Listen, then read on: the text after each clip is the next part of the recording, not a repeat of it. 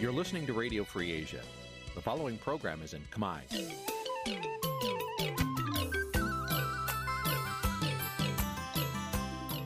នេះជាកម្មវិធីផ្សាយ Vuthu Azizi Serai នេះជាកម្មវិធីផ្សាយរបស់ Vuthu Azizi Serai ជាភាសាខ្មែរ Vuthu Azizi Serai សូមស្វាគមន៍លោកអ្នកនាងទាំងអស់ពីរដ្ឋធានី Washington នៃសហរដ្ឋអាមេរិក ពីរដ្ឋធានី Washington ខ្ញុំបាទសេកបណ្ឌិតសូមជម្រាបសួរអស់លោកអ្នកនាងកញ្ញាទាំងអស់ជាទីមេត្រីយើខ្ញុំសូមជូនកម្មវិធីផ្សាយសម្រាប់ព្រឹកថ្ងៃអាទិត្យ13រោចខែស្រាប ឆ្នាំឆ្លូវត្រីស័កពុទ្ធសករាជ2565ត្រូវនឹងថ្ងៃទី5ខែកញ្ញាគ្រិស្តសករាជ2021បាទជាដំបូងនេះសូមអញ្ជើញអស់លោកអ្នកនាងស្ដាប់ព័ត៌មានប្រចាំថ្ងៃដែលមានមេតិការដូចតទៅ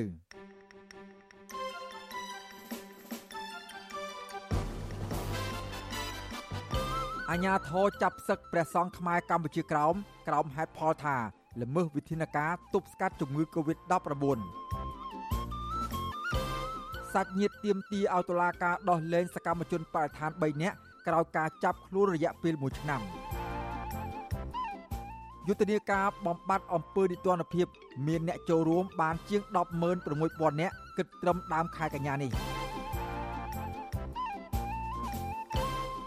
យុវជននិងសង្គមស៊ីវិលថាសេរីភាពនៅលើប្រព័ន្ធអ៊ីនធឺណិតរងការរឹតបន្តឹងកាន់តែខ្លាំងរួមនឹងព័ត៌មានផ្សេងផ្សេងមួយចំនួនទៀតជាបន្តទៅទៀតនេះខ្ញុំបាទសេកបណ្ឌិតសូមជូនព័ត៌មានពិស្ដាបាទលោកអ្នកនាងកញ្ញាជាទីមេត្រីអាញាធរចាប់ផ្សឹកព្រះសង្ឃខ្មែរកម្ពុជាក្រៅមួយអង្គនៅខេត្តកំពង់ចាមក្រោមហេតុផលល្មើសវិធានការទប់ស្កាត់ការឆ្លងរាលដាលនៃជំងឺ Covid-19 អង្គការសមាគមខ្មែរក្រោមច្រានចោលការចោលប្រកាសនេះហើយចាត់ទុកករណីនេះគឺជាការធ្វើទុកបុកម្នេញលើព្រះសង្ឃខ្មែរក្រោមមន្ត្រីសង្គមស៊ីវិលសង្កេតឃើញថាករណីនេះបង្កើតនៅមន្ទិលសង្ស័យជាច្រើន ដែលបណ្ដាលឲ្យប៉ះពាល់ដល់សិទ្ធិរបស់ព្រះសង្ឃបាទពីរដ្ឋធានី Washington លោកយុនសាមៀនរាយការណ៍ជុំវិញព័ត៌មាននេះអញ្ញាធននៅមិនទាន់បង្ហាញទីតាំងឃុំប្រកាយព្រះសង្ឃខ្មែរកម្ពុជាក្រោមជាព្រះចៅអធិការវត្ត វង្គតបរិយសេរីភ្នំពេញព្រះអង្គប៉ាងសូដាននៅឡើយទេក្រោយព្រះអង្គត្រូវបានអាជ្ញាធរចាប់និងផ្សឹកកាលពីថ្ងៃទី2ខែកញ្ញាប្រធានមន្ត្រីធម្មការនិងសាសនាខេត្តកំពង់ចាម លោកស្រីសុភ័ក្រថ្លែងប្រាប់វិទ្យុអាស៊ីសេរីថាមន្ត្រីសង្ឃនិងមន្ទីរខេត្តបានផ្សឹកព្រះអង្គប៉ាងសូដា ស្របតាមពុទ្ធបញ្ញត្តិដើម្បីឲ្យព្រះអង្គដោះស្រាយតាមផ្លូវច្បាប់លោកបន្តថាការផ្សឹកនេះអនុវត្តតាមដីការបស់ព្រះអញ្ញាសាលាដំបងរាជធានីភ្នំពេញដែលចេញដោយការចាប់ខ្លួនយកទៅសាកសួរជុំវិញបទចោទប្រកាន់ល្មើសវិធានការទប់ស្កាត់ការឆ្លងរាលដាលជំងឺ Covid-19 លោកឲ្យដឹងថាមន្ត្រីខេត្តត្រឹមតែជួយសម្របសម្រួលផ្សឹកចំណែកកិច្ចការបន្ទាប់គឺជាភារកិច្ចរបស់តុលាការនិងស្ថាប័នផ្សេងទៀតចាក់ការបត់នៅក្រោមការសម្របសម្រួលរបស់មន្ត្រីសង្ឃ ពេលដែលព្រះអញ្ញាគេចេញដីកាចោតប្រកាន់ចឹងបានន័យថាគាត់ត្រូវមានបញ្ហាជាមួយនឹងផ្លូវច្បាប់ជាមួយនឹងលេខការអញ្ចឹងគឺនៅក្នុងវិន័យសាសនាគឺឲ្យគាត់ចេញទៅតតាំងអីចឹងទៅប្រធានលេខាធិការដ្ឋានគណៈសង្ឃនាយកបដិជគុណខឹមសនមានថ្នាក់ដីកាថាព្រះអង្គមិនដឹងមូលហេតុដែលឈានទៅដល់ការចាប់ព្រះកាយព្រះអង្គប៉ាងសូដានោះទេចំណែករបាយការណ៍ជុំវិញរឿងនេះគណៈសង្ឃខេត្តក៏មិនទាន់ទទួលបានដែរ ព្រះអង្គបន្តថាប្រសិនបើព្រះសង្ឃធ្វើខុសធម៌វិន័យត្រូវផ្សឹកជាមុនសិនប៉ុន្តែប្រសិនបើអាជ្ញាធររកមិនឃើញកំហុសព្រះអង្គប៉ាងសូដាអាចបួសជាសង្ឃឡើងវិញបានវិទ្យុអាស៊ីសេរីមិនទាន់អាចតាក់ទងណែនាំពាក្យសាលាដំបងរាជធានីភ្នំពេញដើម្បីសាកសួរព័ត៌មានអំពីការចាប់ខ្លួននេះបានទេ នៅថ្ងៃទី4កញ្ញាដោយទូរស័ព្ទចូលតែពុំមានអ្នកទទួល។ ព្រះអង្គប៉ាងសូដាត្រូវបានមន្ត្រីសង្ឃខេត្តកំពង់ចាមពីរអង្គចាប់សឹកហើយសមត្ថកិច្ចខេត្តនិងក្រសួងមហាផ្ទៃបានបញ្ជូនប្រកាយមកភ្នំពេញកាលពីថ្ងៃទី2កញ្ញាដោយធ្វើឡើងយ៉ាងតក់ក្រហល់តែរហូតមកដល់ថ្ងៃនេះមិនទាន់បានបង្ហាញទីតាំងដែលឃុំព្រះអង្គនៅឡើយទេប្រធានមិត្តសមាគមខ្មែរកម្ពុជាក្រោមលោកថាច់ឡែនប្រាប់វិទ្យុអស៊ីសេរីថាបន្ទាប់ពីមន្ត្រីសង្ឃចាប់សឹកនិងឃុំប្រកាយមក ព្រះអង្គប៉ាងសូដាបានតាក់ទងមកលោកនៅថ្ងៃទី4សីហានេះដោយប្រាប់ថាព្រះអង្គមានសុខភាពធម្មតា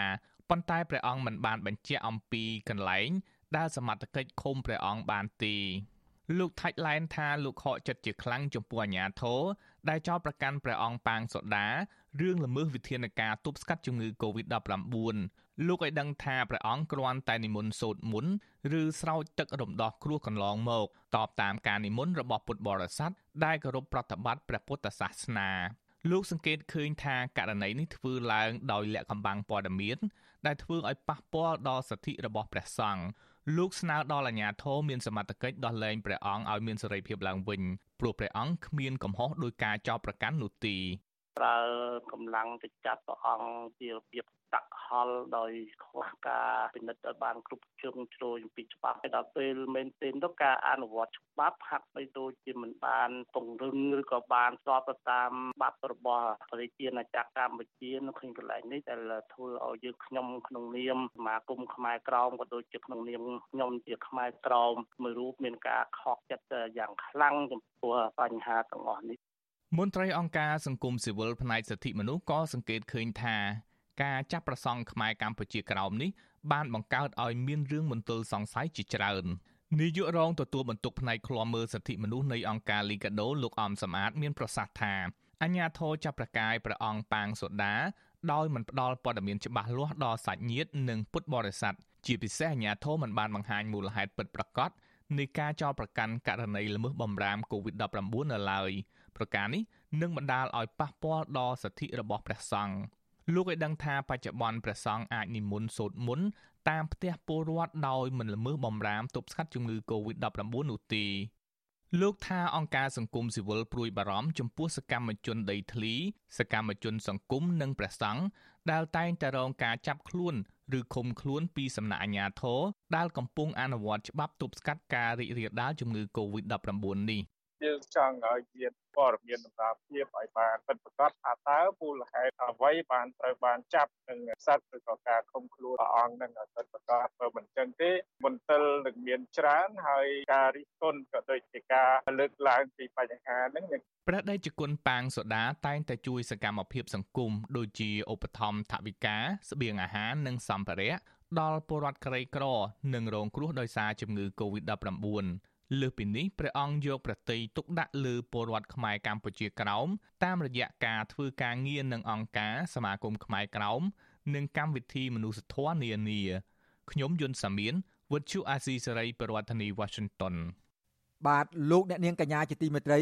ពាក់ព័ន្ធនឹងការខាត់ប្រកាយព្រះសង្ឃខ្មែរកម្ពុជាក្រោមនេះដែរសូមលោកអ្នកនាងស្ដាប់បទសម្ភាសន៍របស់អ្នកស្រីខែសុណងនិងប្រធាននាយកដ្ឋានព័ត៌មានសហព័ន្ធខ្មែរកម្ពុជាក្រោម ដែលមានមូលដ្ឋាននៅសហរដ្ឋអាមេរិកគឺប្រដេជគុណសឿងយើងរតនាជុំវិញរឿងនេះដូចតទៅគណៈថ្វាយគុំប្រដេជគុណបាទចម្រើនផងបងតើប្រដេជគុណយល់ឃើញយ៉ាងម៉េចដែរចំពោះការដែលអាជ្ញាធរគេលើកហេតុផលថាប្រដេជគុណប៉ាងសុកដានឹងមានជាប់ពាក់ព័ន្ធនឹងការល្មើសបំរាមទប់ស្កាត់ជំងឺ Covid-19 នឹងបើមកដល់ពេលនេះគឺស្ថានភាពយើងកំពុងតែតាមដានហើយនឹងសេពអង្កេត ដោយសារតែការទៅចាប់សឹកនោះដោយមានភាពតក់កហល់ដោយអត់មានដេកាដូច្នេះហើយយើងមានការបារម្ភចំពោះសវត្ថិភាពហើយអ្វីដែលការជាប់ប្រកាន់អំពីល្មើសច្បាប់ COVID-19 ហ្នឹងគឺយើងរងចាំមើលថាតើការជាប់ប្រកាន់ហ្នឹងជាការពិតប្រាកដ ដែរឬក៏មានបទចោទផ្សេងផ្សេងទៀតផងគណៈកម្រិតលោកជាចៅអធិការវត្តមួយអង្គដែរបើសិនជាខុសឆ្គងនៅក្នុងការល្មើសវិធានការទប់ស្កាត់ជំងឺ Covid-19 នោះបដិជគុណយល់ឃើញថាគួរត្រឹមតែធ្វើបែបណាដល់លោកឬក៏ត្រូវតែចាប់ផ្សឹកដើម្បីដោះស្រាយតាមផ្លូវរដ្ឋផ្លូវច្បាប់នឹងសិនឬក៏យ៉ាងម៉េចទៅដែរដៃគុណក៏រឿងច្បាប់បំរាម COVID-19 នោះគឺប្រសិនបើព្រះអង្គបាងសូដាលោកល្មើសច្បាប់អីយ៉ាងណានោះឬក៏ខុសនឹងច្បាប់វិន័យប្រសង់អីយ៉ាងណានោះគួរតែអាជ្ញាធរដែនដីឬក៏ក្រសួងធម្មការនោះត្រូវហៅលោកមកអប់រំឬក៏ ណែនាំផ្សេងផ្សេងក៏ដូចជាការជូនដំណឹងអំពីទោសកំហុសរបស់លោកដែលបានប្រព្រឹត្តខុសអីជាដើមអញ្ចឹងទៅมันអាចធ្វើការទៅចាប់ខ្លួនតាំងការតកកហល់ដោយគ្មានដេកាហើយក៏យកទៅដាក់ទីកន្លែងមួយដែលมันបានជម្រាបជូនដំណឹងដល់ក្រុមគ្រួសារឬក៏អង្គការសមាគមខ្មែរកម្ពុជាក្រមឬក៏ចំណោះជើងវត្តភ្នំពេញថ្មីនោះ มันបានដឹងដូចនេះទេដូច្នេះហើយធ្វើបញ្ហាទាំងអស់នេះហើយធ្វើឲ្យមានការបារម្ភអំពីអង្គការសមាគមខ្មែរកម្ពុជាក្រមក៏ដូចជាបរតខ្មែរក្រមក្នុងនាមការគោរពព្រះពុទ្ធសាសនាក៏ដូចជាការស្គាល់រាប់អានព្រះអង្គបាងសូដាជាដើមនោះ ដូច្នេះហើយគឺទោះបីមានស្ថានភាពយ៉ាងណាក្តីគឺអាជ្ញាធរដែនដីឬក៏ក្រសួងធម្មការឬក៏ប្រាក់មេកុនខេតហ្នឹងក៏គួរតែជូនដំណឹងជាសាធារណៈឲ្យមានការច្បាស់លាស់នៅបញ្ហាទោសកំហុសអ្វីមួយ ដែលចោតប្រកាន់ហើយបានទៅចាប់ខ្លួននោះដើម្បីកុំអោយក្រុមគ្រួសារក៏ដូចជាអង្គការសមាគមមានការបារម្ភអីចឹងទៅបងដូច្នេះហើយ ទន្ទឹមនឹងពេលដែលព្រះអង្គបាងសូដាដែលមិនទាន់បានដឹងនៅទីកន្លែងណាច្បាស់លាស់នោះក៏សូមអំពាវនាវសារជាថ្មីថានឹងអាជ្ញាធរដែនដីក៏ដូចជាស្ថាប័នតាក់ទងនោះគឺត្រូវតែជូនដំណឹងដល់ក្រុមគ្រួសារនិងអង្គការសមាគមឲ្យបានដឹងជាបន្ទាន់ផងដែរដើម្បីកុំឲ្យពួកគាត់មានការបារម្ភអំពីសុវត្ថិភាពអង្គបាងសូដាផង ព្រះអង្គប៉ាងសុដានឹងកន្លងមកនឹងក៏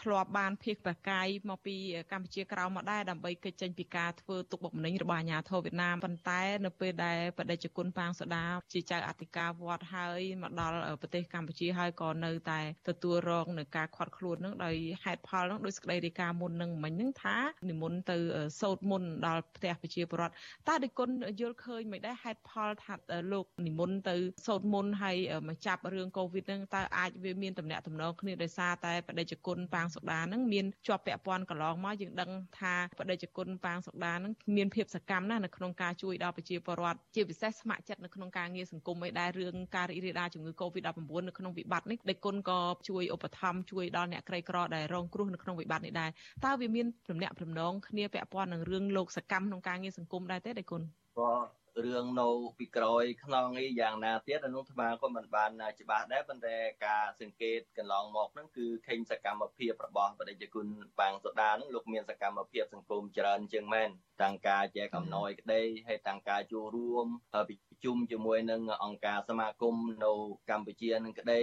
ឬក៏លោកចូលរួម ជាមួយនឹងសហព័ន្ធខ្មែរកម្ពុជាក្រមដែលនិមន្តមកចូលរួមប្រជុំនៅក្នុងប្រទេសបារាំងអីជាដើមជាមួយនឹងសហព័ន្ធខ្មែរកម្ពុជាក្រមនឹងអញ្ចឹងរូបភាពដែលការជាប់ប្រកាន់នេះផ្សេងផ្សេងហ្នឹងអានឹងជា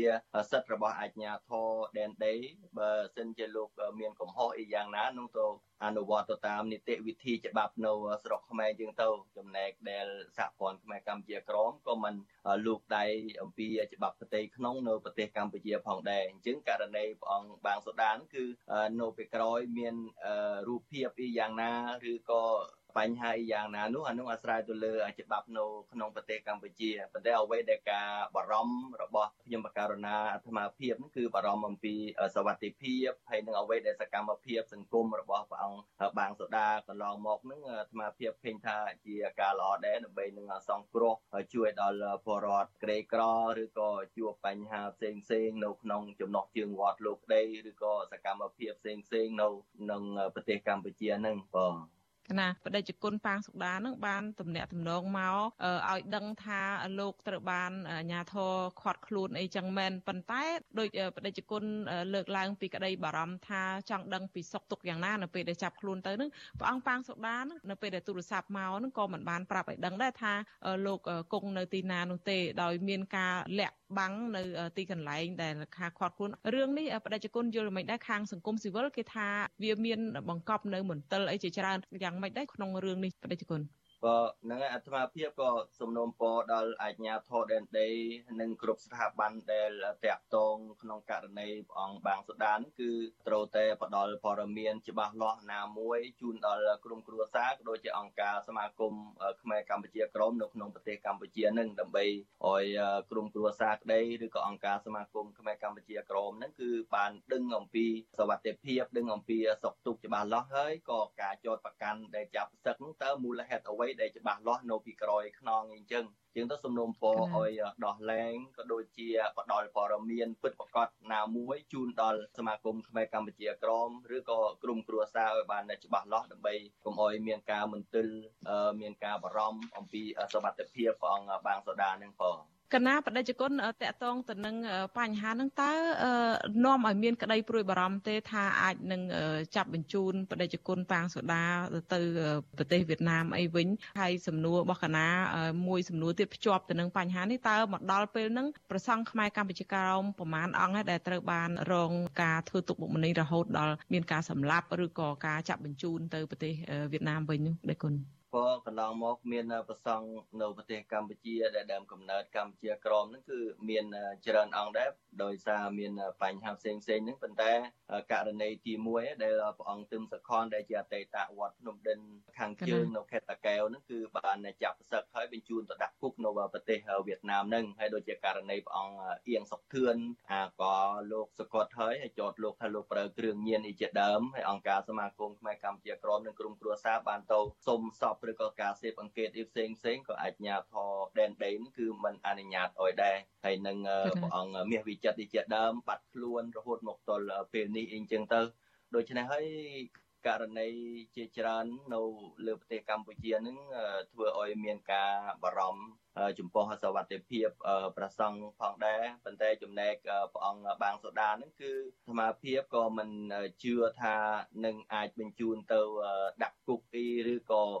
ចតប្រកាន់នេះផ្សេងផ្សេងបញ្ជូនរហូតដល់បញ្ជូនទៅប្រទេសវៀតណាមនោះក៏ប្រហែលជាមិនមានទេដោយសារតែស្ថានភាពឥឡូវបញ្ហាឥឡូវហ្នឹងมันដូចពីមុនទេរដ្ឋាភិបាលកម្ពុជាសពថ្ងៃដូច្នេះហើយប្រហែលជាការចាប់ខ្លួនហ្នឹងប្រហែលថ្ងៃទៅអត់បានដំណឹងប្រហែលជា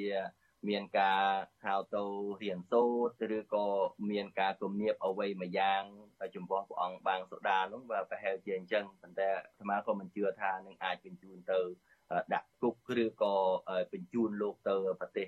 វៀតណាមឯនោះក៏ប្រហែលជាមិនមានអញ្ចឹងទេបង បដិជគុណសំណួររបស់គណៈចុងក្រោយតកតងនឹងបញ្ហានឹងតើខាងសហព័ន្ធខ្មែរកម្ពុជាក្រោមបដិជគុណតើនឹងគិតគូរឬក៏មានការចាប់អារម្មណ៍លើបញ្ហានេះនឹងធ្វើអ្វីខ្លះទៅដើម្បី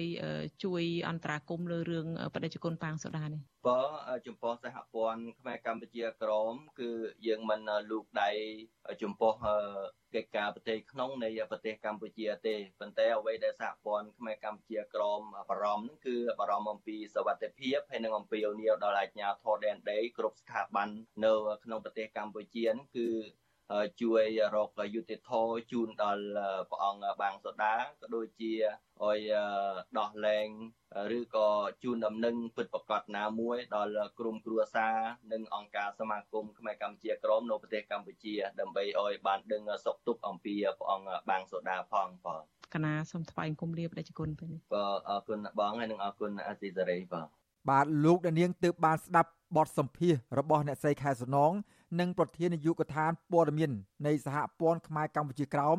ដែលមានមូលដ្ឋាននៅសហរដ្ឋអាមេរិកគឺព្រះដេចគុណសឿងយើងរតនាជុំវិញរឿងអាញាធរឃុំព្រះកាយនិងផ្សឹកព្រះសង្ឃខ្មែរកម្ពុជាក្រោមដោយចោទពីបទល្មើសបំរាមវិធានការបង្ការជំងឺ Covid-19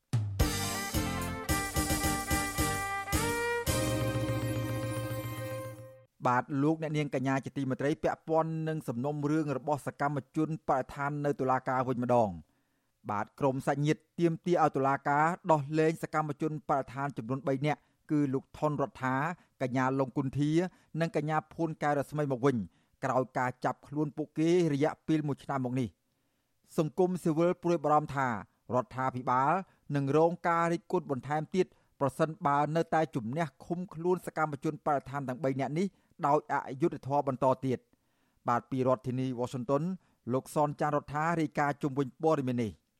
មួយឆ្នាំមុននេះរដ្ឋាភិបាលមិនបានទទួលការកោតសរសើរអ្វីទេពីការចាប់ឃុំខ្លួនយុវជនតែ3នាក់ផ្ទុយទៅវិញមានតែការរិះគន់និងថ្កោលទោសជាបន្តបន្ទាប់ពីប្រជាពលរដ្ឋនិងសហគមន៍អន្តរជាតិចំពោះករណីរំលោភសិទ្ធិមនុស្សមួយនេះបងប្រកញ្ញាភួនកែវរស្មីគឺលោកភួនពុទ្ធរិនឲ្យរឿងថារយៈពេល1ឆ្នាំមកនេះក្រុមគ្រួសារលោកឈឺចាប់ខ្លាំងណាស់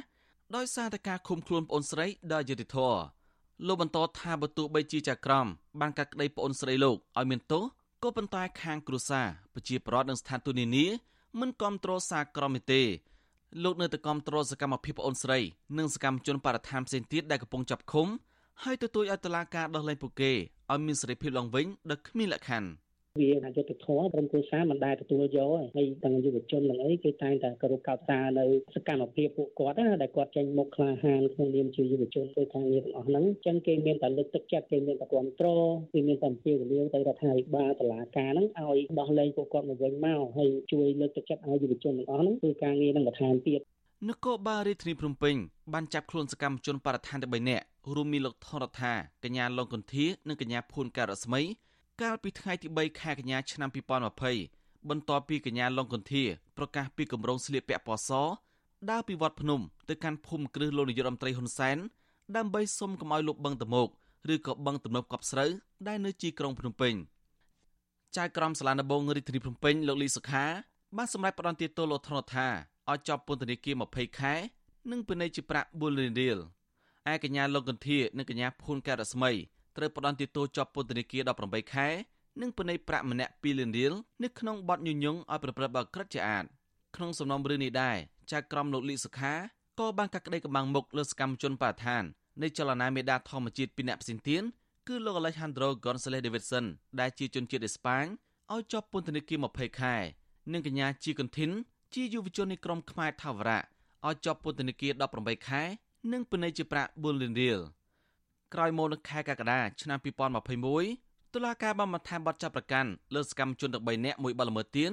បទចាប់ប្រកាន់នេះគឺជាប់ពាក់ព័ន្ធសំណុំរឿងជាមួយសកម្មជនមេដាធម្មជាតិ4នាក់ផ្សេងទៀតកាលពីខែមិថុនាឆ្នាំ2021រួមមានលោកយឹមនឹងហ៊ីកញ្ញាសុរដ្ឋាយុវជនលីច័ន្ទដារាវុននិងលោកអលិចអ្នកទាំង4ត្រូវបានចាប់ប្រកាន់ពីបទរួមគំនិតក្បន់ក្នុងនោះភេកច្រើនពួកគេចាប់ចាប់មួយករណីទៀតគឺបបប្រមាថព្រះមហាក្សត្រលោកយឹមលឹងហ៊ីកញ្ញាសុរដ្ឋា និងយុវជនលីច័ន្ទរាវុធកំពុងជាប់ឃុំក្នុងពន្ធនាគាររីឯលោកអលិចវិញកំពុងរស់នៅក្រៅប្រទេសបើទោះបីជាណាក្រុមអ្នកខ្លោមើលសិទ្ធិមនុស្សបានហៅការកាក្តីនិងការឃុំខ្លួនសកម្មជនបដិឋានទាំងអស់ថាជាការបង្ក្រាបលើសម្លេងដែលហ៊ានតវ៉ាប្រធានផ្នែកកម្មវិធីស្រាវជ្រាវនិងតស៊ូមតិនៃសមាគមបណ្ដាញយុវជនកម្ពុជាលោកហេងកំហុងសង្កេតឃើញថាសកម្មភាពរបស់យុវជនបរិស្ថាន3នាក់គឺជាសកម្មភាពត្រឹមត្រូវដែលធានាដោយច្បាប់មិនតែប៉ុណ្ណោះ ការទៀមទាទាំងឡាយរបស់យុវជន3នាក់គឺជាផលប្រយោជន៍ផ្នែកបរិស្ថានលោកមើលឃើញថារដ្ឋាភិបាលមិនបានទទួលការចំណេញអ្វីពីការចាប់ឃុំខ្លួនសកម្មជនទាំង3នាក់ទេអ្នកខ្លុំមើលសិទ្ធិយុវជនរំនេះលើកទឹកចិត្តឲ្យសមាជិកដល់ឲ្យយុវជនទាំង3នាក់វិញដើម្បីឲ្យពួកគេអាចធ្វើសកម្មភាពស្របតាមច្បាប់បន្តទៀតដោយគ្មានការធ្វើទុកបុកម្នេញ។ យើងឃើញថាមានការចាប់អារម្មណ៍ពីសំណាក់សហគមន៍អន្តរជាតិដែលធ្វើឲ្យប៉ះពាល់យ៉ាងខ្លាំងទៅដល់កេរ្តិ៍ឈ្មោះរបស់ប្រទេសកម្ពុជាហើយនឹងរាជរដ្ឋាភិបាលកម្ពុជាដែលត្រូវបានគេចាត់ទុកថាបានធ្វើសកម្មភាពរំលោភសិទ្ធិដល់សកម្មជននិងរំលោភដល់សិទ្ធិមនុស្សបាទវិទ្យុអាស៊ីសេរីមិនទាន់អាចសុំការបញ្ជាក់ពីភាគីតុលាការនិងរដ្ឋាភិបាលបានទេ នៅថ្ងៃទី4ខែកញ្ញាតែទោះបីជាណាក្រមមន្ត្រីរដ្ឋាភិបាលតែងតែប្រាហេតុផលថារឿងក្តីទាំងឡាយជាការសម្រេចរបស់តុលាការ តែនៅគេមើលឃើញថាប្រព័ន្ធតុលាការស្ថិតក្រោមបង្គាប់របស់របបក្រុងភ្នំពេញជុំវិញករណីសកម្មជនបាឋាន13នាក់នេះក្រុមអង្គការសង្គមស៊ីវិលក៏កំពុងធ្វើយុទ្ធនាការទាមទារដោះលែងសកម្មជនអ្នកការពារសិទ្ធិដទៃទៀតព្រោះចាប់តាំងពីឆ្នាំ2020មករបបក្រុងភ្នំពេញបានចាប់ឃុំខ្លួនសកម្មជននយោបាយសង្គមព្រំដែនបរិស្ថានដីធ្លីគ្រូបង្រៀនព្រះសង្ឃយុវជននិងនិតិជនក្រោម18ឆ្នាំសរុប90នាក់ហើយ។ ពួកគាត់ភ័យច្រើនរងការចាប់ប្រកាន់ពីបទញុយញងនិងចូលរួមក្រិនក្បត់ប៉ុន្តែក្រុមអ្នកការពារសិទ្ធិមនុស្សជាតិនិងអន្តរជាតិហៅការចាប់ប្រកាន់ទាំងនេះថាជាចេតនាបង្ក្រាបលើសម្លេងរិះគន់ពួកគេទាមទាររបបក្រុងភ្នំពេញដោះលែងសកម្មជនទៅនេះវិញនិងគោរពសិទ្ធិពលរដ្ឋដោយដែលមានចែងក្នុងរដ្ឋធម្មនុញ្ញនិងច្បាប់អន្តរជាតិខ្ញុំសនចាររថាវិទ្យុអេស៊ីសរ៉ៃរាយការណ៍ពីរដ្ឋធានីវ៉ាស៊ីនតោន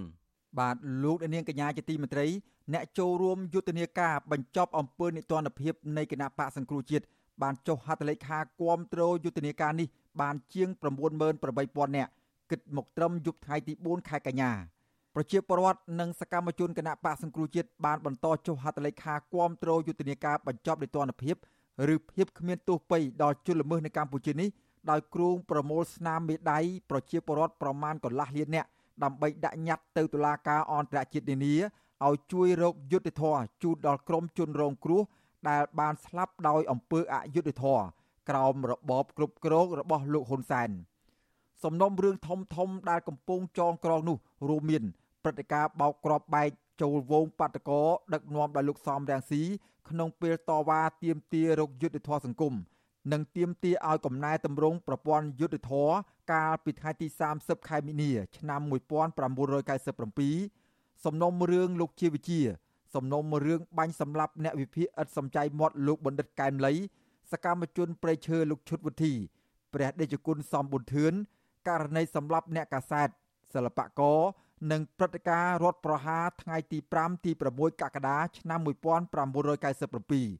រួមនឹងករណីបាញ់សម្លាប់មនុស្សមួយចំនួនទៀតគណៈកម្មការស្រាវជ្រាវសិភៅសនៃគណៈបកសង្គ្រោះជាតិថាការចងក្រងសិភៅសនេះ មានទិសដៅដើម្បីបង្ហាញការពិតនៃរឿងរ៉ាវឃាតកម្មជាប់ពាក់ព័ន្ធនឹងរឿងនយោបាយដែលអ្នកជាប់ពាក់ព័ន្ធមិនហ៊ានលាតត្រដាង ជាឯកសារភ័ស្តុតាងដ៏រឹងមាំមួយ ដើម្បីឈានទៅបញ្ចប់អំពើនិទានភាពនៅកម្ពុជា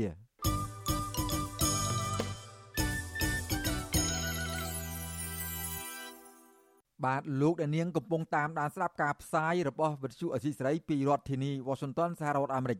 ក្រមយុវជន និងមន្ត្រីអង្គការសង្គមស៊ីវិលពិនិត្យឃើញថាសេរីភាពនៅលើប្រព័ន្ធអ៊ីនធឺណិតកំពុងទទួលរងការរឹតបន្តឹងកាន់តែខ្លាំងពីសំណាក់រដ្ឋាភិបាលលហ៊ុនសែនការលើកឡើងនេះគឺស្របនឹងរបាយការណ៍របស់អង្គការមជ្ឈមណ្ឌលអាស៊ីដែលរកឃើញថា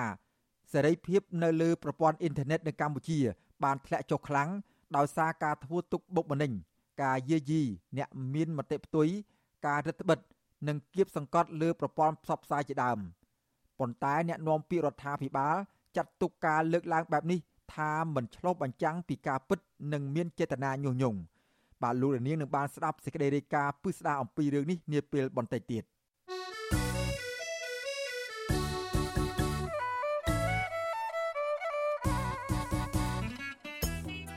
បាទលោកដានាងកញ្ញាជាទីមេត្រីលោកដានាងក៏អាចស្ដាប់ការផ្សាយរបស់វិទ្យុអសីសេរីដំណើរគ្នានឹងការផ្សាយលើបណ្ដាញសង្គម Facebook និង YouTube តាមរយៈរលក ធាតុអាកាសខ្លីឬ Shortwave តាមកម្រិតនិងកម្ពស់ដូចតទៅនេះ បាទពេលព្រឹកចាប់ពីម៉ោង5កន្លះដល់ម៉ោង6កន្លះតាមរយៈរលក ធាតុអាកាសខ្លី9940 kHz ស្មើនឹងកម្ពស់ 30m និងនៅពេលយប់ចាប់ពីម៉ោង7កន្លះដល់ម៉ោង8កន្លះតាមរយៈរលក ធាតុអាកាសខ្លី9960 kHz ស្មើនឹងកម្ពស់ 30m និង11240 kHz ស្មើនឹងកម្ពស់ 25m បាទសូមអរគុណ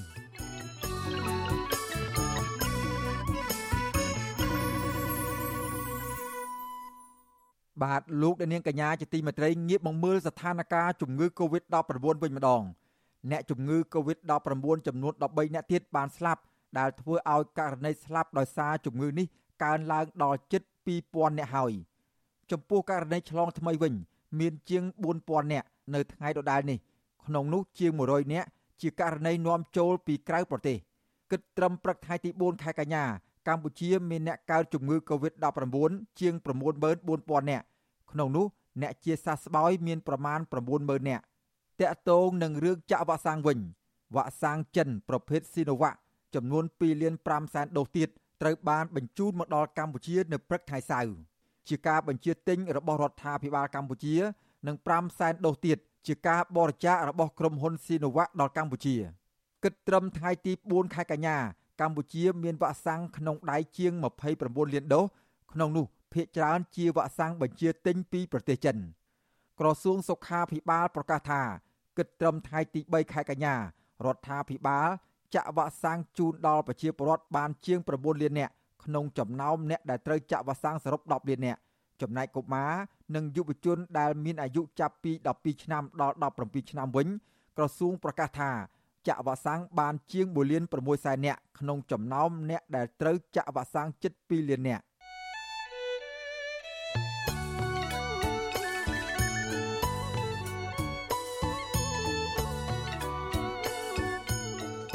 បាទលោកដានៀងកញ្ញាជាទីមេត្រីលោកដានៀងកំពុងតាមដានស្ដាប់ការផ្សាយរបស់វិទ្យុអសីសេរីពីរដ្ឋធានី Washington សហរដ្ឋអាមេរិកក្រៅពីការតាមដានកម្មវិធីផ្សាយរបស់វិទ្យុអសីសេរី តាមបណ្ដាញសង្គម Facebook YouTube និង Telegram លោកដានៀងក៏អាចតាមដានកម្មវិធីផ្សាយរបស់យើង តាមរយៈបណ្ដាញសង្គម Instagram របស់វិទ្យុអសីសេរីបាន តាមរយៈតំណ link www.instagram.com/rfa ខ្មែរអាស៊ីសេរីបន្តខិតខំផ្សព្វផ្សាយព័ត៌មានពិត ទៅកាន់បងប្អូនតាមរយៈបណ្ដាញសង្គមផ្សេងៗទៀតនិងសម្បូរបែប ដើម្បីលោកនាង អាចងាយស្រួលតាមដានការផ្សាយរបស់វិទ្យុអាស៊ីសេរីគ្រប់ពេលវេលា និងគ្រប់ទីកន្លែង តាមរយៈទូរស័ព្ទដៃរបស់អស់លោកអ្នកបាទសូមអរគុណ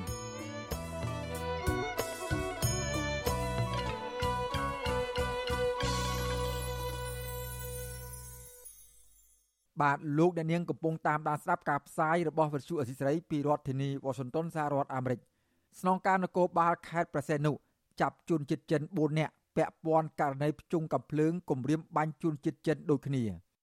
ស្នងការនគរបាលខេត្តប្រសេនុលោកជួននរិនប្រាប់សារព័ត៌មានក្នុងស្រុកថាការខាត់ខ្លួននេះធ្វើឡើងបន្ទាប់ពីមានជនជាតិចិនម្នាក់បានប្តឹងប៉ូលីសខេត្តប្រសេនុថាមានជនជាតិចិន4នាក់ជិះរថយន្តមួយគ្រឿងដកកំភ្លើងខ្លីភ្ជុងគំរាមបាញ់ខ្លួន កាលពីថ្ងៃទី1ខែកញ្ញា សមត្ថកិច្ចបានចាប់ជនសង្ស័យចំនួន4នាក់នៅចំណុចភូមិ3សង្កាត់4ក្រុងប្រសេនុនិងរកឃើញកំភ្លើងខ្លី2ដើមម៉ាករឡូមានគ្រាប់ចំនួន6គ្រាប់និងម៉ាក CZ75 ប្រភេទ 9mm មានគ្រាប់ចំនួន31គ្រាប់ក្នុងរថយន្តម៉ាកលុចស៊ីពណ៌សនៅកម្រាលជើងកៅអីផ្នែកខាងក្រោយសមត្ថកិច្ចខេត្តនេះកំពុងចាត់វិធានការលើករណីនេះតាមផ្លូវច្បាប់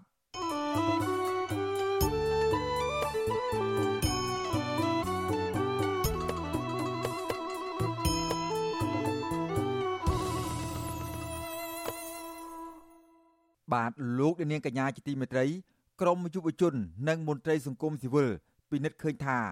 សេរីភាពនៅលើប្រព័ន្ធអ៊ីនធឺណិតកំពុងទទួលរងការរឹតបន្តឹងកាន់តែខ្លាំងពីសំណាក់រដ្ឋាភិបាលលហ៊ុនសែនការលើកឡើងនេះគឺស្របទៅនឹងរបាយការណ៍ថ្មីរបស់អង្គការមជ្ឈមណ្ឌលអាស៊ីដែលរកឃើញថាសេរីភាពនៅលើអ៊ីនធឺណិតនៅកម្ពុជាបានធ្លាក់ចុះខ្លាំងដោយសារការធ្វើទុកបុកម្នេញការយាយីអ្នកមានមតិផ្ទុយ ការរឹតបន្តឹងនិងគៀបសង្កត់លើប្រព័ន្ធផ្សព្វផ្សាយជាដើមប៉ុន្តែអ្នកនាំពាក្យរដ្ឋាភិបាលចាត់ទុកការលើកឡើងបែបនេះថាមិនឆ្លុះបញ្ចាំងពីការពិត និងមានចេតនាញុះញង់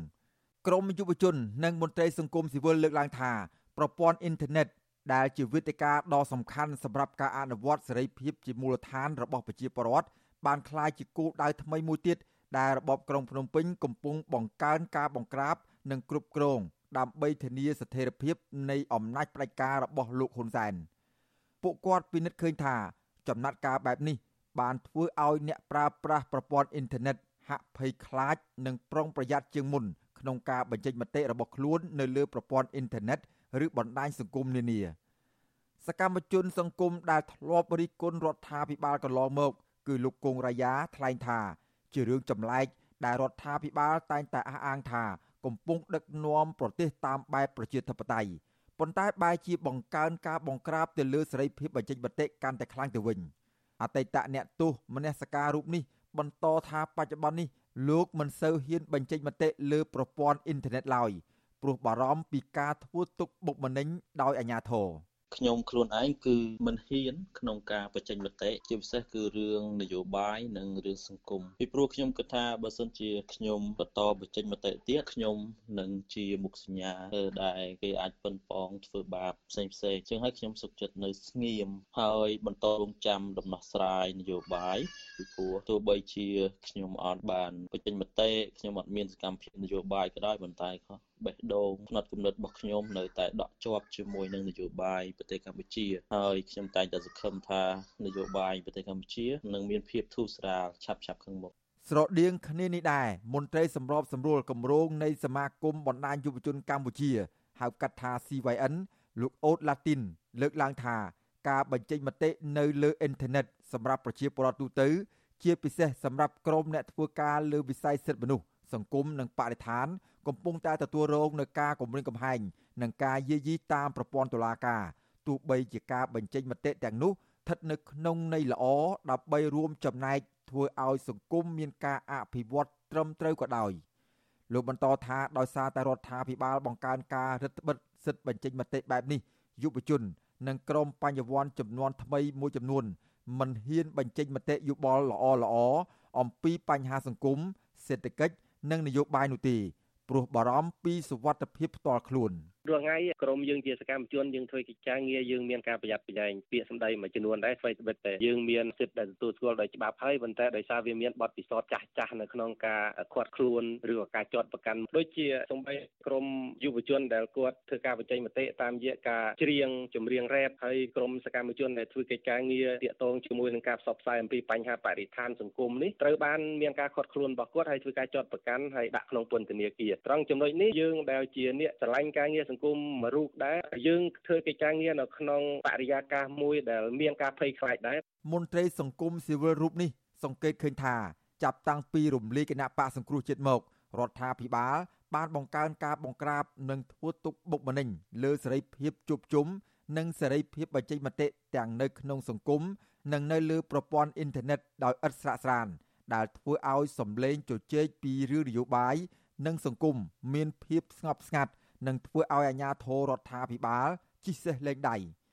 លោកជំរុញឲ្យរដ្ឋាភិបាលកែលម្អសកម្មភាពរបស់ខ្លួនដោយបញ្ឈប់ការលាបពណ៌និងបើកលំហសេរីភាពបញ្ចេញមតិឡើងវិញឲ្យស្របតាមគោលការណ៍លទ្ធិប្រជាធិបតេយ្យដោយដែលមានចែងនៅក្នុងរដ្ឋធម្មនុញ្ញកម្ពុជា។ បញ្ហានៅក្នុងសង្គមយើងសេរីភាពបញ្ចេញមតិនេះបើសិនជាយើងមិនផ្ដល់ឱកាសឲ្យបានពេញលេញដល់យុវជនដល់ប្រជាពលរដ្ឋចំនួនថ្មីនៅក្នុងការចូលរួមផ្ដល់មតិយោបល់ដើម្បីចូលរួមដោះស្រាយទេស្ថានភាពក្នុងប្រទេសកម្ពុជាកាន់តែនឹងយ៉ាប់ទៅយ៉ាប់ទៅហើយមួយទៀតពាក្យពួនជាមួយនឹងការចោតប្រកាន់ជាបទញុះញង់ការចោតប្រកាន់ការលៀបពួរក្រមសកម្មជនអីផ្សេងផ្សេងគួរតែត្រូវបានបញ្ចប់ហើយគួរតែ ធ្វើការលើកទឹកចិត្តឲ្យមានការចូលរួមឲ្យបានពេញលេញនៅក្នុងនាមជាប្រជាពលរដ្ឋឲ្យស្របទៅតាមច្បាប់របស់យើងការលើកឡើងបែបនេះគឺស៊ីសង្វាក់គ្នានឹងរបាយការណ៍របស់អង្គការមជ្ឈមណ្ឌលអាស៊ី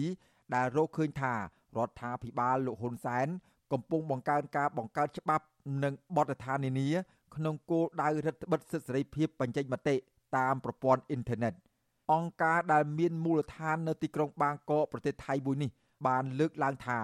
អនុក្រឹត្យរបស់រដ្ឋាភិបាល ស្ដីពីការបង្កើតច្រកទ្វារអ៊ីនធឺណិតជាតិនិងច្បាប់មួយចំនួនទៀតគឺគ្រាន់តែជាឧបករណ៍រដ្ឋបិទតាមដានឆ្លូបយកការពីកិច្ចសន្ទនាបុគ្គលនិងចោតប្រកាន់ចាប់ខ្លួនអ្នករិះគន់ព្រមទាំងបង្កើតឲ្យមានការរឹតបន្តឹងសិទ្ធិសេរីភាពខ្លួនឯងក្នុងចំណោមសកម្មជនទាំងឡាយអង្គការដដាលនេះអំពាវនាវដល់រដ្ឋាភិបាលកម្ពុជាឲ្យបើកទូលាយសេរីភាពលើបណ្ដាញអ៊ីនធឺណិត ដោយលុបចោលឬកែប្រែក្របខ័ណ្ឌច្បាប់ពាក់ព័ន្ធមួយចំនួនចំណុចដែលត្រូវលុបចោលឬកែប្រែនោះមានដូចជាមាត្រាមួយចំនួននៅក្នុងក្រមព្រហ្មទណ្ឌលុបចោលមាត្រា6និងមាត្រា97នៃច្បាប់ស្តីពីទូរគមនាគមន៍ដើម្បីការពារសិទ្ធិឯកជនភាពនិងកែប្រែប្រការ7និង8នៃប្រកាសអន្តរក្រសួងឲ្យស្របតាមស្តង់ដារអន្តរជាតិលុបចោលអនុក្រឹត្យលេខ23 ស្ដីពីច្រកទ្វារអ៊ីនធឺណិតជាតិព្រមទាំងកែសម្រួលសេចក្តីព្រាងច្បាប់ស្ដីពីការគ្រប់គ្រងបណ្ដាញអ៊ីនធឺណិតឲ្យស្របតាមស្តង់ដារអន្តរជាតិជាដើមអ្នករាយការណ៍ពិសេសរបស់អង្គការសហប្រជាជាតិទទួលបន្ទុកសិទ្ធិមនុស្សនៅកម្ពុជា លោកវិទិតមុនតបនបានថ្លែងក្នុងពិធីសម្ពោធរបាយការណ៍នេះថាលោកក៏បារម្ភអំពីបរិយាកាសនៃការបំផិតបំភ័យនៅក្នុងប្រទេសកម្ពុជាដែរដោយសារឯករាជ្យភាពរបស់ប្រព័ន្ធតុលាការ នៅតែជាសំណួរហើយនៅក្នុងរដ្ឋសភាកម្ពុជា មានតែតំណាងរាស្ត្រមួយបកលោកពិនិត្យឃើញថាការប្រើប្រាស់ពាក្យនៅក្នុងច្បាប់នានាដើម្បីធានាដល់សន្តិសុខជាតិនៅក្នុងប្រទេសកម្ពុជា គឺមានលក្ខណៈជ្រុលហួសហេតុដើម្បីរដ្ឋបិទសិទ្ធិសេរីភាពបញ្ចេញមតិដែលផ្ទុយពីស្តង់ដារសិទ្ធិមនុស្សអន្តរជាតិទោះយ៉ាងណាលោកវិទិតមុនតបនសង្ឃឹមថារដ្ឋាភិបាលកម្ពុជា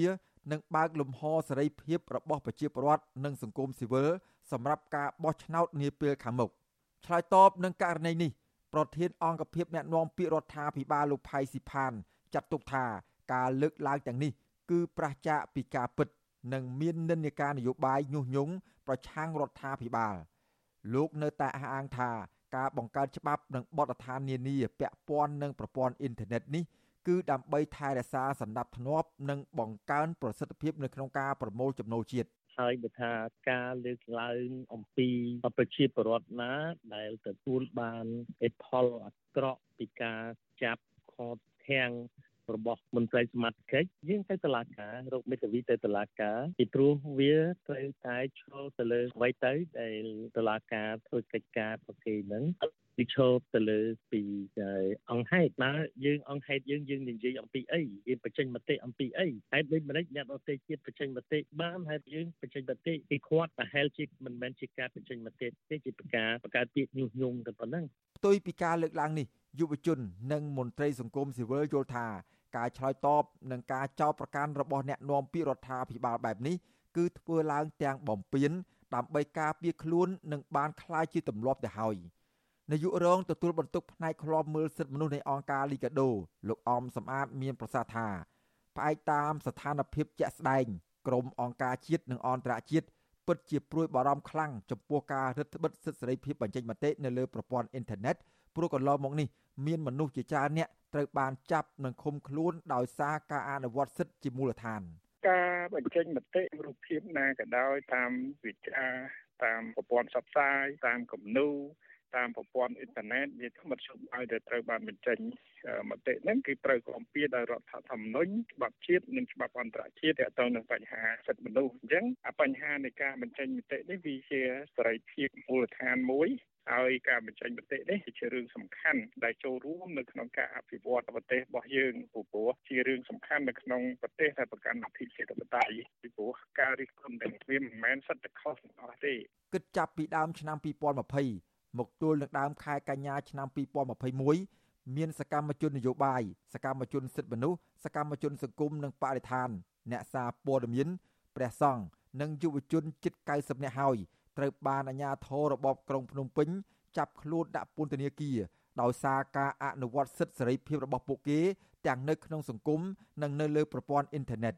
ក្រុមអង្គការជាតិនិងអន្តរជាតិតែងតែស្នើសុំឲ្យរដ្ឋាភិបាលកម្ពុជាបញ្ឈប់ការយាយី និងការចោទប្រកាន់ទាំងបំពានច្បាប់លើអ្នករិះគន់ទាំងឡាយហើយជំនួសមកវិញរដ្ឋាភិបាលត្រូវដោះលែងពួកគេឲ្យមានសេរីភាព និងត្រូវធានាលើកស្ទួយសិទ្ធិសេរីភាពជាមូលដ្ឋានរបស់ប្រជាពលរដ្ឋឡើងវិញ។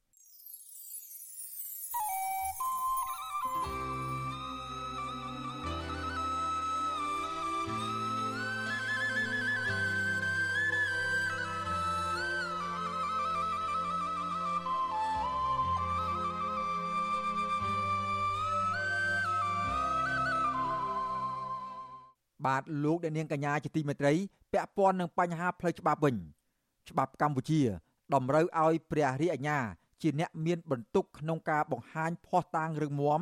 ឬភ័ស្តុតាងហួសពីវិមតិសង្ស័យនៅពេលចោតប្រកាន់នរណាម្នាក់ពីបទល្មើសអ្វីមួយ ចំណែកជនជាប់ចោតវិញ ជាទូទៅមិនមានបន្ទុកបង្ហាញភ័ស្តុតាង ពីភាពបរិសុទ្ធរបស់ខ្លួននោះទេតើភ័ស្តុតាងហួសពីវិមតិសង្ស័យ មានន័យយ៉ាងដូចម្ដេចនិងមានសារៈសំខាន់បែបណានោះ បាទពីរដ្ឋធានី Washington លោកជីវិតាមានសេចក្តីរាយការណ៍ជំវិញព័ត៌មាននេះក្រមច្បាប់កម្ពុជាព្រះអាជ្ញាដែលតំណាងឲ្យស្ថាប័នអัยការមានទួនាទីប្តឹងចោតប្រកាន់ជនទាំងឡាយណា ដែលជាប់សង្ស័យថាបានរំលោភច្បាប់ព្រហ្មទណ្ឌប៉ុន្តែព្រះអាជ្ញាត្រូវបង្ហាញដល់ចៅក្រមនៅផុសតាងរឹងមាំចំណែកជនជាប់ចោតវិញ ច្បាប់មិនតម្រូវឲ្យបង្ហាញផុសតាងដាក់បន្ទុកមកលើខ្លួនឯងនោះទេនិយាយឲ្យងាយស្ដាប់ទៅ គឺអ្នកណាចោតប្រកាន់គេ អ្នកនោះឯងជាអ្នកមានបន្ទុកក្នុងការរក និងបង្ហាញផុសតាងឲ្យលើសពីវិមតិសង្ស័យផុសតាងលើសឬហួសពីវិមតិសង្ស័យគឺជាផុសតាងច្បាស់លាស់អត់មានការសង្ស័យសម្រាប់ដាក់បន្ទុកលើជនជាប់ចោតលោកគង់សំអនដែលជាមេធាវីនិងជាសាស្ត្រាចារ្យច្បាប់ផងនោះពន្យល់ថា ចៅក្រមដែលឯករាជ្យនឹងមិនទទួលយកផុសតាងទាំងឡាយណា ដែលមានមន្ទិលសង្ស័យមកធ្វើជាមូលដ្ឋានចោតប្រកាន់ជនជាប់ចោតនោះឡើយក្នុងតឡាការដែលគ្រប់ច្បាប់ត្រឹមត្រូវបើកាលណាសំណុំរឿងមួយបរិយាអាញាគាត់បង្ហាញផុសតាងមិនបានលើសពីវិមតិសង្ស័យទេចៅក្រមនឹងមិនអាចមិនចាំបាច់ឲ្យមេធាវីមិនចាំបាច់ឲ្យភាគីខាងជនជាប់ចោតនឹងឡើងបកស្រាយឡើងការពារឡើងអីទេ គឺជាគាត់ចោលភ្លាមព្រោះការបង្ហាញផុសតាងរបស់ព្រះអាជ្ញាវាអត់អត់លើសពីវិបត្តិសង្ស័យផងអត់លើសពីកម្រិតដែលច្បាប់ត្រូវការផងអញ្ចឹងគេត្រូវដោះលែងហើយគេត្រូវធ្វើការចាប់ប្រកាន់ហើយអាហ្នឹងតាមច្បាប់ណានោះបើតាមច្បាប់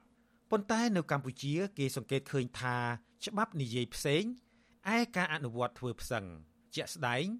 មនុស្សរាប់សិបនាក់ហើយរួមមានអ្នកនយោបាយបកប្រឆាំងអ្នករិះគន់រដ្ឋាភិបាល និងអ្នកសម្ដែងមតិ ត្រូវបរិយាអាញាចោតប្រកាន់ដោយគ្មានភស្តុតាងហួសពីវិមតិសង្ស័យភាគច្រើននៃបទចោទទៅលើពួកគេ គឺបទញុះញង់ឲ្យប្រព្រឹត្តអំពើបង្កឲ្យមានភាពវឹកវរធ្ងន់ធ្ងរដល់សន្តិសុខសង្គមជារឿយរឿយមេធាវីការពារជនជាប់ចោទអ្នកឃ្លាំមើលសិទ្ធិមនុស្សនិងមន្ត្រីបរទេសដែលបានចូលរួមសង្កេតសវនាការនៃសកម្មជនបកប្រឆាំងក្តី សកម្មជនបរិស្ថានក្តី ពួកគេតែងតែសង្កេតឃើញថា បើទោះជាពរិយាអាញាមិនបានបង្ហាញភស្តុតាងដាក់បន្ទុកឲ្យហួសពីវិមតិសង្ស័យក៏ដោយក៏ចៅក្រមមិនខ្វល់និងមិនសួរនាំពរិយាអាញានោះទេប៉ុន្តែសម្រាប់ឲ្យជនជាប់ចោត មានទោសតែម្ដង ការសម្រេចក្តីរបស់ចៅក្រមបែបនេះតែងរងការថ្កោលទោសពីអ្នកការពារសិទ្ធិមនុស្សនិងក្រុមគ្រួសាររបស់អ្នកជាប់ឃុំសម្រាប់អង្គការសង្គមស៊ីវិលពួកគេតែងចេញសេចក្តីថ្លែងការណ៍រួមសម្ដែងការមិនពេញចិត្តចំពោះការផ្ដន់ទាទោសបែបនោះ សម្រាប់ក្រុមគ្រួសារអ្នកជាប់ឃុំវិញ ពួកគេតែងចេញតវ៉ាតាមផ្លូវថ្នល់ដោយសន្តិវិធីទាមទារឲ្យដោះលែងសាច់ញាតិរបស់ខ្លួនប៉ុន្តែការតវ៉ាដោយសន្តិវិធីទាំងអស់នេះត្រូវក្រុមអ្នកណែនាំពាក្យស្ថាប័នរដ្ឋចោទប្រកាន់ថា ជាអំពើខុសច្បាប់ក្រុមអ្នកណែនាំពាក្យរាប់ចាប់ពីអ្នកនាំពាក្យក្រសួងយុតិធធរហូតដល់អ្នកនាំពាក្យគណៈកម្មាធិការសិទ្ធិមនុស្សរដ្ឋាភិបាលចោទថាការតវ៉ាទាំងអស់នោះ ជាការដាក់សម្ពាធលើតុលាការលើសពីនេះដោយមិនខ្វល់ពីការចោទប្រកាន់ខ្វះភស្តុតាងរបស់ព្រះអាញាក្រុមអ្នកនាំពាក្យតែងបង្ហោះសារថាបើអ្នកណាចង់ឲ្យជនជាប់ចោទរួចពីការជាប់ឃុំត្រូវខំរកភស្តុតាងរឹងមាំមកបង្ហាញតុលាការដើម្បីបញ្ជាក់ពីភាពបរិសុទ្ធរបស់ពួកគេឧទាហរណ៍កាលពីថ្ងៃទី18សីហា ប្រតិកម្មតបទៅនឹងការរិះគន់ពីមជ្ឈដ្ឋានជាតិនិងអន្តរជាតិ ទៅលើតុលាការដែលបានកាត់ទោសមេសហជីពលោករងឈុនឲ្យជាប់ពន្ធនាគារ2ឆ្នាំពីបទញុះញង់បញ្ហាព្រំដែនជាមួយវៀតណាមនោះអ្នកនាំពាក្យក្រសួងយុតិធធលោកជិនម៉ាលីន បានប្រាប់អ្នកសារព័ត៌មានថាភៀកគីណាក៏ដោយ ដែលចង់ជួយដល់ជនជាប់ចោត គឺគួរចូលរួមក្នុងនីតិវិធីតុលាការហើយបង្ហាញភស្តុតាងដោះបន្ទុកជនជាប់ចោត ក្នុងន័យនេះ គឺសរឲ្យឃើញថា អ្នកនាំពាក្យក្រសួងយុតិធធមិ នខ្វល់ពីការដែលព្រាអាញាខ្វះភស្តុតាងលើសពីវិមតិសង្ស័យសម្រាប់ចោតប្រកាន់ប៉ុន្តែបែរជាលោកដាក់សម្ពាធលើសាច់ញាតិនិងអ្នកគាំទ្រលោករងឈុនដែលតវ៉ាស្របច្បាប់ឲ្យខំរកភស្តុតាងបញ្ជាក់ពីភាពបរិសុទ្ធរបស់លោករងឈុនទៅវិញលោកសំសុគង្គដែលជាមេធាវីពូកែតែមិនដែលឈ្នះក្តីក្នុងសំណុំរឿងនយោបាយនោះមានប្រសាសន៍ក្រោយសវនាការប្រកាសសាលក្រមថ្ងៃទី18សីហាថា ក្នុងអង្គជំនុំជម្រះកន្លងទៅ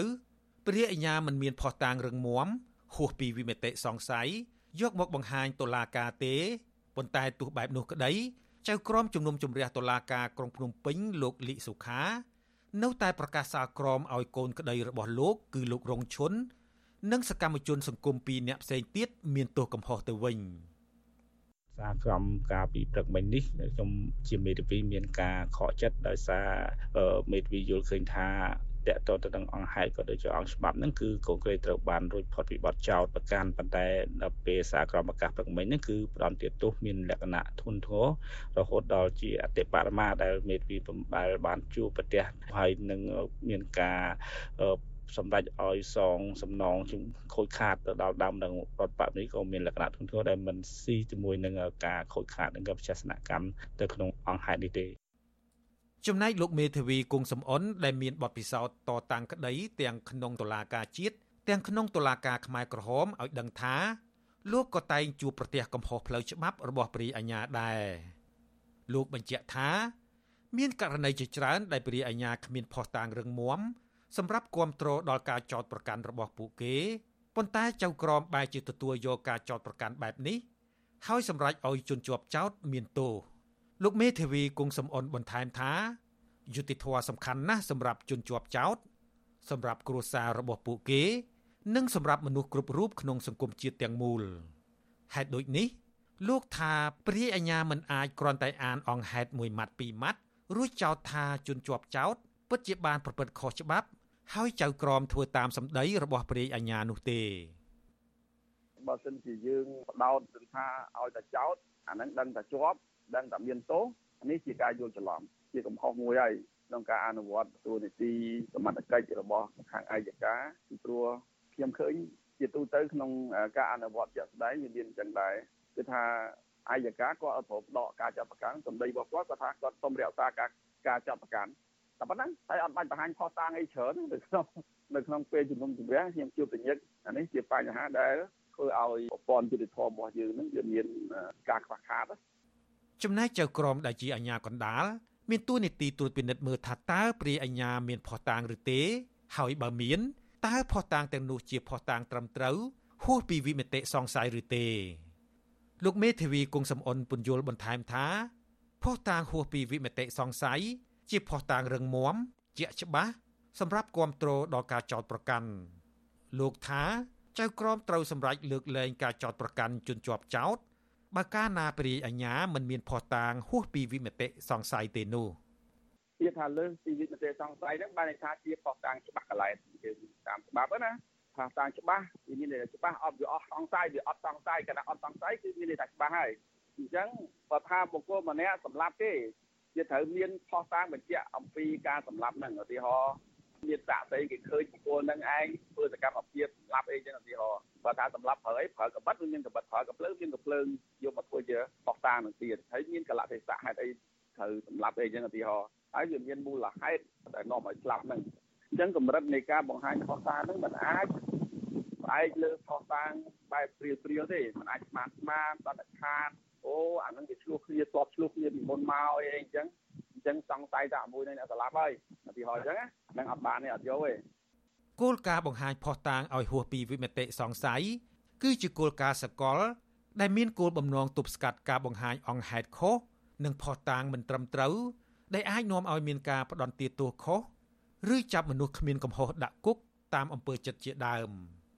អំពើអយុត្តិធម៌នឹងកើតមានឡើង កាលណាមានការកាត់ទោសខុស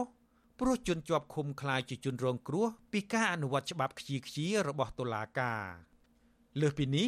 ជនជាប់ឃុំមិនត្រឹមតែខូចខាតនៅកិត្តិយសកេរ្តិ៍ឈ្មោះប៉ុណ្ណោះទេ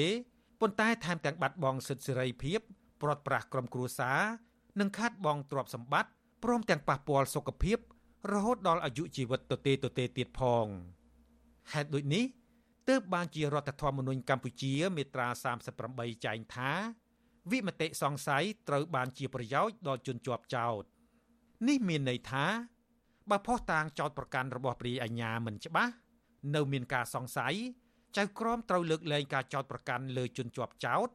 និងផ្ដល់សេរីភាពដល់ពួកគេវិញខ្ញុំជីវិតាអាស៊ីសេរី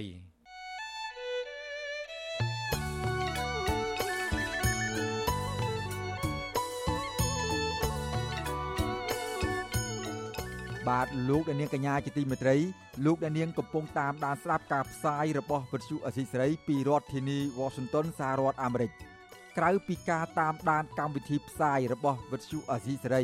តាមបណ្ដាញសង្គម Facebook YouTube និង Telegram លោកអ្នកនាងក៏អាចតាមដានកម្មវិធីផ្សាយរបស់យើង តាមរយៈបណ្ដាញសង្គម Instagram របស់វិទ្យុអសីសេរីបាន តាមរយៈតំណ link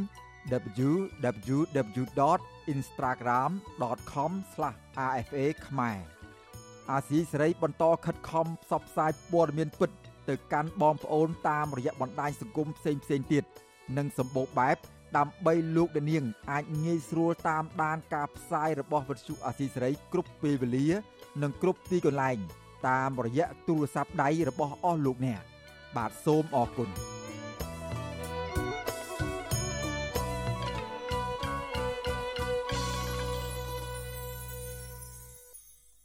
បាទលោកអ្នកនាងកញ្ញាជាទីមេត្រីពាក់ព័ន្ធនឹងបញ្ហាបរិស្ថានទឹកវិញម្ដងក្រមអ្នកជំនាញសាទរកិច្ចសន្ទនាអំពីបញ្ហាសន្តិសុខទឹករវាងគណៈកម្មការទូលេមេគង្គហៅកាត់ថា MRC និងសមាគមអាស៊ាន ដែលត្រូវបានធ្វើឡើងជាលើកដំបូងកាលពីពេលថ្មីៗនេះពួកគេហៅដំណើរការកិច្ចសន្ទនាដើម្បីស្វែងរកដំណោះស្រាយចំពោះបញ្ហាសន្តិសុខទឹកឬវិបត្តិទឹកនៅតំបន់ទន្លេមេគង្គនេះថាជាជំហានវិជ្ជមានមួយ ក៏ប៉ុន្តែពួកគេប្រមានថានៅមានរឿងក្រៅត្រូវធ្វើជាច្រើនទៀតដើម្បីបញ្ជាចំនួនដណ្ដើមទឹករវាងប្រទេសខ្សែទឹកខាងលើ និងប្រទេសខ្សែទឹកខាងក្រោមនាពេលអនាគតបាទពីរដ្ឋធានី Washington លោកមានរិទ្ធរាយការណ៍ជុំវិញព័ត៌មាននេះនេះគឺជាលើកទី1ហើយដែលគណៈកម្មការទន្លេមេគង្គនិងតំបន់អាស៊ានទាំងមូលបង្កើតឲ្យមាននូវកិច្ចសន្ទនាអំពីបញ្ហាសន្តិសុខទឹកនេះឡើងនៅក្នុងគោលដៅដើម្បីស្វែងរកដំណោះស្រាយប្រកបដោយលក្ខណៈច្នៃប្រឌិត ពាក់ព័ន្ធនឹងបញ្ហាវិបត្តិទឹកនៅតំបន់ទន្លេមេគង្គរវាងប្រទេសនៅតាមខ្សែទឹកខាងលើនិងប្រទេសនៅតាមខ្សែទឹកខាងក្រោមនាយកកម្មវិធីអាស៊ីអាគ្នេយ៍នៃមជ្ឈមណ្ឌលស្រាវជ្រាវគោលនយោបាយ Stimson Center លោក Brian Eiler ហៅកិច្ចសន្ទនាអំពីបញ្ហាសន្តិសុខទឹកនេះថាគឺជាជំហានដ៏ត្រឹមត្រូវមួយដើម្បីស្វែងរកនូវដំណោះស្រាយសម្រាប់តំបន់ទាំងមូល This first dialogue between the Mekong River Commission អាស៊ានអាចផ្ដល់ឲ្យនៅទស្សនៈពាក់ព័ន្ធជាច្រើន អំពីទីក្រុងឆ្លាតវៃការធ្វើផែនការទឹកព្រមទាំងការប្រែប្រួលអាកាសធាតុជាដើមគណៈកម្មការទន្លេមេគង្គមានសមត្ថភាពខ្ពស់ពាក់ព័ន្ធនឹងការថែរក្សាទន្លេនិងគ្រប់គ្រងអភិបាលកិច្ចទឹកឆ្លងដែនដែលសមត្ថភាពរបស់សហគមន៍អាស៊ាន នៅមានកម្រិតនៅឡើយវិស័យដទៃទៀតដែលអាស៊ានអាចជួយបាន មានដូចជា ការព្យាករណ៍អំពីទឹកជំនន់និងគ្រោះរាំងស្ងួតដែលគណៈកម្មការទន្លេមេគង្គបានស្នើសុំឲ្យមានការជួយជ្រោមជ្រែងជាយូរមកហើយសំខាន់ជាងនេះទៅទៀតអាស៊ានអាចជួយចែករំលែកតម្រូវការរបស់សហគមន៍របស់តំបន់មេគង្គទៅក្នុងបរិបទតំបន់ Indo-Pacific ដ៏ទូលំទូលាយមួយ within the broader Indo-Pacific បន្ថែមពីលើការយល់ឃើញនេះអ្នកជំនាញអភិបាលកិច្ចទឹកលោកហែមឧត្តមមានប្រសាសន៍ថាកិច្ចសន្ទនានេះ ធ្វើឡើងគ្រាន់តែជាការស្ទាបស្ទង់នៅឡើយខណៈបញ្ហាចម្បងមួយនៃការសាងសង់ទំនប់វារីអគ្គិសនី នៅខ្សែទឹកខាងលើ ជាពិសេសពីសំណាក់ប្រទេសចិនតំបន់ទាំងមូលនៅតែគ្មានដំណោះស្រាយជាក់លាក់ដដែលដើម្បីតម្រូវឲ្យប្រទេសចិនទទួលខុសត្រូវចំពោះផលខូចខាតផ្នែកសេដ្ឋកិច្ចដែលបណ្ដាលមកពីការសាងសង់ទំនប់វារីអគ្គិសនីទាំងនេះខ្ញុំគិតថានៅពេលដែលប្រទេសទាំងអស់ហ្នឹងគាត់មិនថាមានអាភិបខុសគ្នាផ្នែកនយោបាយសេដ្ឋកិច្ចបព្វធម៌ក៏ដោយបើមិនជាគាត់ តម្កល់គាត់ដាក់ពៀនឡើងវិញនៅវិបត្តិបរិស្ថានបញ្ហាបំរែបំរួលអាកាសធាតុតម្កល់រឿងនឹងជាធំជាយុគជីវិតនៃប្រទេសជាតិសាសនាក៏ដោយហើយឥឡូវយើងក៏ឃើញដែរវាស្ដែងឡើងជារៀងរាល់ថ្ងៃអញ្ចឹងអានឹងជាបញ្ហាធំមួយដែល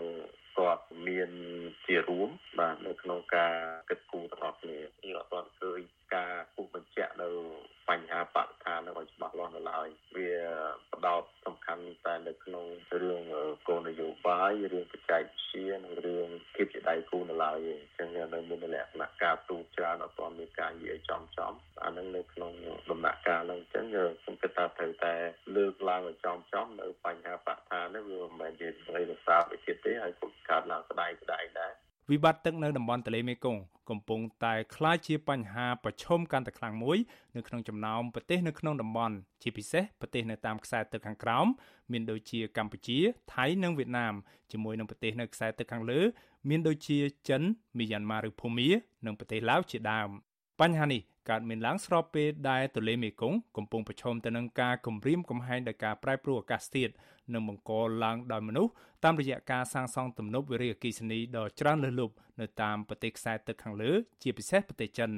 និងប្រទេសឡាវខណៈតំបន់មេគង្គទាំងមូលនៅមិនទាន់មានយន្តការច្បាប់ច្បាស់លាស់នៅឡើយដើម្បីដោះស្រាយបញ្ហានេះប្រកបដោយប្រសិទ្ធភាព អរិយាពេលជាង2ឆ្នាំជាប់គ្នាមកហើយដែលកម្ពុជា ជាពិសេសនៅតំបន់ទន្លេសាបរងផលប៉ះពាល់ដោយផ្ទាល់ពីវិបត្តិនេះដោយត្រូវប្រឈមនឹងគ្រោះរាំងស្ងួត និងគ្រោះរីងស្ងួតមិនធ្លាប់មានពីមុនមកការធ្លាក់ចុះទិន្នផលត្រីព្រមទាំងគ្រោះទឹកជំនន់ដ៏អាក្រក់ជាបន្តបន្ទាប់គ្រោះរាំងស្ងួតកាលពីឆ្នាំ2019និងឆ្នាំ2020បានបណ្ដាលឲ្យទឹកទន្លេមេគង្គស្រកចុះនៅក្នុងកម្រិតទាបបំផុតមិនធ្លាប់មានពីមុនមក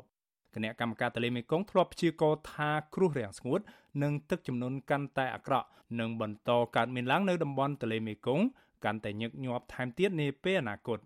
ទន្លេមេគង្គឬហៅថាទន្លេឡានឆាងនៅប្រទេសចិន គឺជាបេះដូងនៃតំបន់អាស៊ីអាគ្នេយ៍ដីគោកដែលមានប្រជាជនសរុបប្រមាណជាង70លាននាក់ពឹងផ្អែកលើទន្លេនេះនិងដៃទន្លេនេះសម្រាប់ម្ហូបអាហារទឹកការដឹកជញ្ជូននិងទស្សនវិជ្ជាដទៃទៀតនៃជីវភាពរស់នៅប្រចាំថ្ងៃ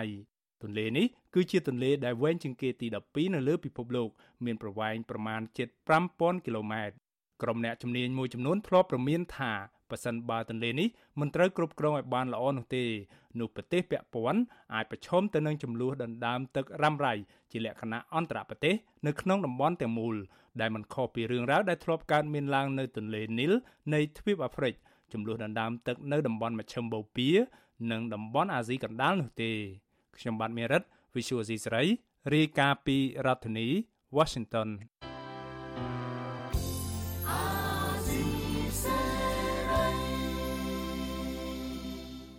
បាទលោកអ្នកនាងកញ្ញាជាទីមេត្រី